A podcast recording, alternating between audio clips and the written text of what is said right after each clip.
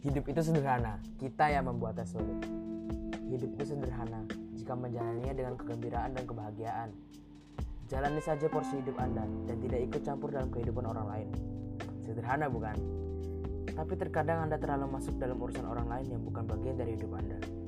Sehingga hidup terasa begitu rumit, berat, dan rumit. Kebiasaan bergosip, mencemooh, berucap buruk, dan tidak benar kerap dilakukan. Anda menganggap diri Anda rendah. Inilah yang membuat hidup Anda terasa sulit.